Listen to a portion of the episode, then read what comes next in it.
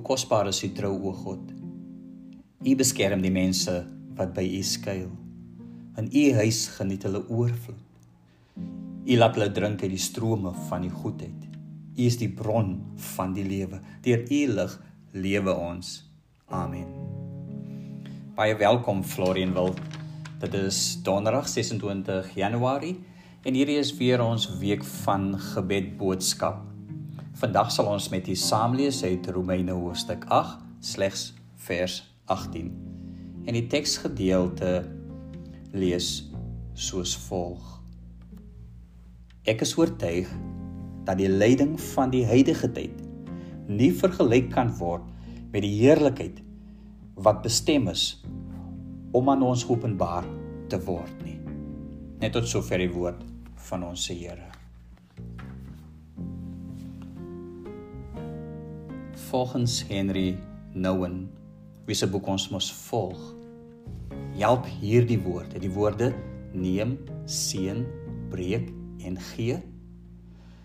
Dit help ons om die gees van God werksaam te sien in ons lewe. En die doel van die gees, die doel daarvan om ons te verseker dat ons die geliefdes van die Here is. So die Here het ons geneem Met ander woorde, lank voordat ons bestaan het, het hy ons bestem om sy kinders te wees. Die Here seën ons gedurig deur en as 'n konstante herinnering deur God en deur ander dat ons besonder is.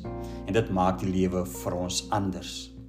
En natuurlik ook God se seënende woorde bring ook verander verandering en uitkoms in ons lewe. Onthou u toe Jesus die brood gebreek het daaroor gebid het, met ander woorde dit geseën het en toe het dit vermeerder, nê? So hou aan daai gedagte vas as u dink oor die seënende woorde van ons Here Jesus Christus. Maar vanaand vanaand praat ons oor gebrokenheid. Want dis die derde woord, breek. Nou, wat bedoel Henry Nouwen en miskien met 'n mens seker ook die vraag vra, kan hy regtig oor gebrokenheid praat? Dis eintlik mos net waar dat as jy self gebroken is of was, dat jy regtig daaroor kan praat. Nou, dis wat hy verduidelik in sy boek en dis waarmee hy gesukkel het vir jare. Hy het lank gesukkel met 'n gevoel van alleenheid. Hy het baie geïsoleerd gevoel. En daarmee saam het hy ook soveel vrese gehad wat hy ervaar het eintlik maar daagliks in sy lewe. En gedurig deur 'n onsekerheid. In Engels sal ons vra hy het 'n baie of het 'n klomp insecurities gehad. Wat eventually later gevolg het is ook 'n lang tye van depressie. En die werk wat hy gedoen het onder andere om 'n dosent te wees, het beteken dat hy altyd oorwerk was en dit het gelei tot uitputting en eventually ook tot wanhoop in sy lewe. So hy was bewus van sy gebrokenheid. Hy was ook bewus van die gebrokenheid van sy vriend. Onthou jy, In hierdie boek is hy eintlik besig om te praat met sy vriend. En natuurlik hy weet van die gebrokenheid van al die mense wat hy ken. Ek dink die punt wat Henry Nouwen maak is alle mense is gebroke mense. As jy dink aan die Bybelfigure of dit nou daarvan Abraham is of Noag, hulle maak nie saak nie, maar dink dit besonder aan Dawid wie se lewe ons ook 'n bietjie by stil gesame het gestaan het. Almal was gebroke. En dis ook iets wat ons nie van kan wegkom nie. En daarom is die grootste bewys van ons gebrokenheid eintlik dat ons sterwend is, dat ons eendag gaan sterwe. Maar nou moet ons vir mekaar sê nou maar wat wat sê Henry Nouwen oor gebrokenheid? Hoe hoe dink hy daaroor? Wat die eerste ding wat hy sê is dat ons gebrokenheid is uniek aan onsself. Dit verander word met antwoorde vertel en openbaar wie ons is. Sy sy woorde daarvoor is our brokenness reveals something about who we are. So elkeen van ons wat tog gebroken is, lê op 'n manier wat verskil van hoe ander lê en hoe ander dit ervaar en daarom is dit hoogs persoonlik. En aan woorde mens kan baie kere dieselfde goed ervaar, maar hoe daai seer ons raak, dit verskil heeltemal van ander persone af. En daarom is ons eie seer en ons eie lyding en ons eie gebrokenheid heeltemal ons eie, uniek aan ons self. Niemand andersin is soos ons nie. So uniek byvoorbeeld soos uitverkiesing. Met die feit dat God ons uitkies as unieke mense, so uniek soos die blessings wat die Here gee vir ons en ander gee vir ons, so uniek as elkeen van ons se gebrokenheid. 'n nadere beskrywing van ons as gebrokenis. Um behalwe dat dit uniek is en dat dit soort van innerlik 'n deel van ons is. Den diepste beskryf Henry Nouwen dit as 'n brokenness of the heart. Hy sê die naaste beskrywing wat hy aankom as dit kom by gebrokenis is the suffering of the broken heart dat ons harte gebreek word. Um is waar as verskeie ander forme van lyding. Ons het fisiese lyding in sy vele vorm. En maar wat hy die meeste sien en wat die meeste pyn veroorsaak, is ervarings van 'n gebroken hart. Met ander woorde, dinge soos verwerping, om verag te word, om geïgnoreer te word deur mense en deur ander. Die kwessie rondom alleenheid, om geen liefde te te ervaar nie. Henry Nouwen was soort van by 'n huis en dis waar hy sy laaste jare spandeer het en waar hy priester was en wat hy agtergekom het is dat baie keer die persone wat ingebly het in hierdie huis het op 'n stadium waardeloos gevoel. En dis 'n ervaring van hierdie huis waarin gestremdes gebly het as jy geen waarde meer het vir ander nie of kan toevoeg tot ander nie, dan sê dan het hy baie keer gesien hoe verloor mense hulle greep op die lewe. Wanneer ons intimiteit verloor. En dan word wanneer iets te doen het met ons hele wese, met ons liggaam, met ons gedagtes en met ons harte aan die kern van ons gebrokenheid sê Henry lê die feit dat ons harte gebreek is. Dis wat hy sê. Ons teks is Romeine 8 vers 18. En dit is waar Romeine hoofstuk 8 wat 'n besonderse hoofstuk in die boek Romeine is bevestig dat ons worstel met die lewe. Ons sekerhede verdwyn net. Is asof alles vergaan en die uitdagings van die wêreld raak daarom ook ons uitdagings. Ons as gelowiges sug ook. Weet net soos wat die skip skepping sug, so doen ons dit ook. En teenoor hierdie lyding sê ons teksgedeelte staan die heerlikheid wat God vir mense in die toekoms wat vir mense in die toekoms wag. Paulus sê die lyding kan nie opweeg teen die heerlikheid wat God vir ons sal laat aanbreek nie. En daar's ook 'n verstaan dat ons die teks kan lees as deur lyding het ons toegang tot die heerlikheid. En dan word Christene wag dus met verlange na dit wat gaan gebeur. Christene het dus hierdie verwagting in hulle hart en in hulle lewe terwyl hulle nou sug en lyding ervaar dat dinge anders sal wees. En dit is so vanaf die tyd van die Ou Testament, uh Abraham beloof God dat hy alles nuut gaan maak. Maar intussen het ons die gees van God wat ons bystaan in ons swakheid, wat ook saam met ons sug. Maar wat ons ewige hoop gee is die beter toekoms wat God wag. En dat die beter toekoms stukkie vir stukkie sigbaar raak in ons tyd en in ons lewens. Al wil ons hê alles moet regloop. Dis nie wat God vir ons waarborg nie. Ons weet dit as volwassene, wat volwasse Christene ook. Maar God is saam met ons. En daarom is ons seer nie die enigste werklikheid, nie die enigste waarheid van wie ons is nie. Ons is met ander woorde nooit alleen op pad nie. Daar's altyd uitkoms ook. En daar waar daar hoop is, is daar lewe. Hebreërs 4:14 en 15 sê God het immers medelee met ons swakheid. Hy staan vir ons hoe dit is nou gemaak met ons swakheid en ons gebrokenheid. Wat moet ons reaksie nou daar teenoor wees? Hoe raak ons hierdeur ware geliefdes in die ware en die volle sin van die woord? En dis Henry nou in se volgende twee aanbevelings. Befriend it and secondly put it under the blessing. En Henry nou in is oortuig dat dit die oplossing is vir ons gebrokenheid. En dat ons uiteindelik hierdeur sal groei tot ware geliefdes.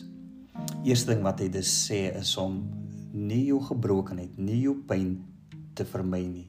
Step towards your pain. Maak dit jou vriend. En dis die eerste ding wat hy sê. En ek dink daar's groot groot waarde hierin. Baie kere en ek het dit ook al genoem by kere voel ons asof ons in 'n diep put is. En wanneer iemand daar is, wil hulle met alle mag gehelp word.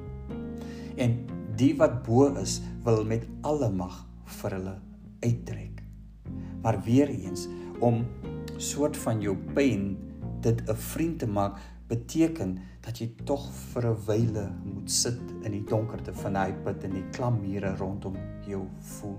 Nie hastig raak om skielik verlos te raak van waar jy is nie. Eintlik daarmee nie weghardloop van wat jy ondervind en ervaar nie, maar om dit jou vriend te maak. Ek het al verskeie ervarings gehad van mense in hospitale. Baie mense al besoek oor die jare heen. En ek dink wat Henry Nouwen sê is waar. Kom ek vertel jy van twee uiterstes. Wel, jy hoef nie bekommerd te wees oor wie dit is nie. Jy sal jy sal hulle nie ken nie. Ek het eendag Jesus in ICU werklik 'n goeie tyd gehad. Ek het nog nooit so baie gelag in ICU soos op daai dag nie. Om by 'n pasiënt se bed te sit waar hulle al weke in die hospitaal is en ten spyte daarvan is daar soveel vreugde en soveel lag rondom 'n bed in ICU, né? Nee? 'n Ander ervaring is waar mense vasgevang is deur vrees en deur angs. En my ervaring is dan ook is dat hulle dat hulle gryp na enigiets is daar iemand om hulle te help. Is daar iemand om hulle hier uit hierdie plek uit te neem? En soms is daar die woorde ook. En wat het hulle dan vir die Here gemaak dat hierdie dinge oor hulle kom? En hierdie twee voorbeelde is my voorbeelde van mense wat aan die een kant sê, ja, dis my pyn en dis my lyding.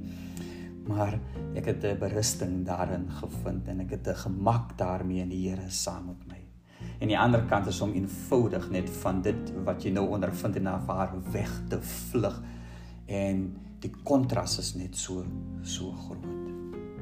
Henry Nouwen sê my own experience with anguish has been that facing it and living it through is the way to healing. As die eerste ding. So ek dink hy's reg daar.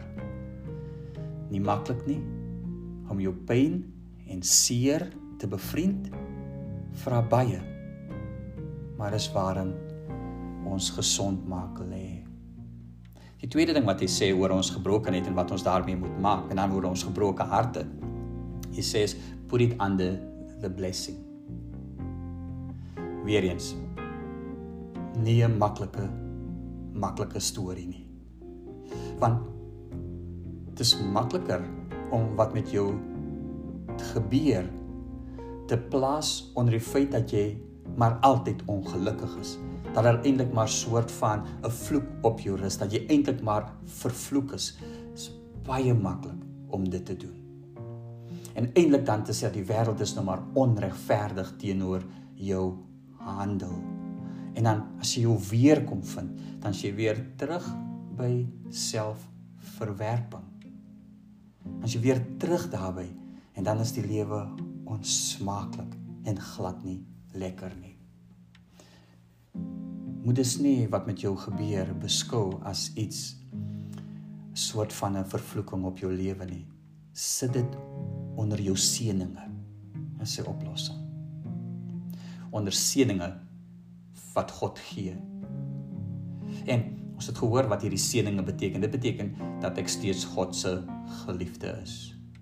Die feit dat God vir my lief is, dat God vir my daar is, plaas jou seer kry onder hierdie seëning van die God wat lief is vir jou.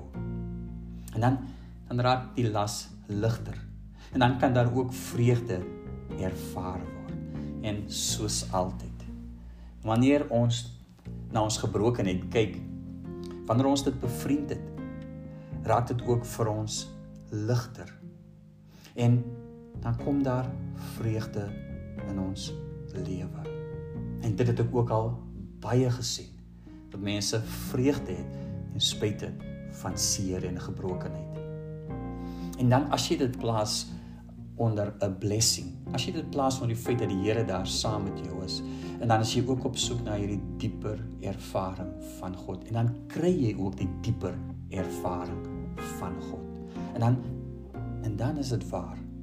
Dan is jy besig en ons besig om te groei na die volheid van geliefd wees. Dis ons boodskap vir vandag. Die Here sal vir ons help. Dat terwyl ons soos Romeine 8 sê, sug saam met die wêreld. Maar terselfdertyd weet dat die gees van die Here saam met ons sug. En dat die Here saam met ons is. En dat 'n uitkoms moontlik is en dat ons eintlik in afwagting daarvan is en daarom hoop het. En raak die lewe vir ons beter terwyl ons seer kry en gebrokenheid ervaar. En dan soos Henry Nouwen sê, maak jou gebrokenheid jou vriend en plaas dit onder jou blessings.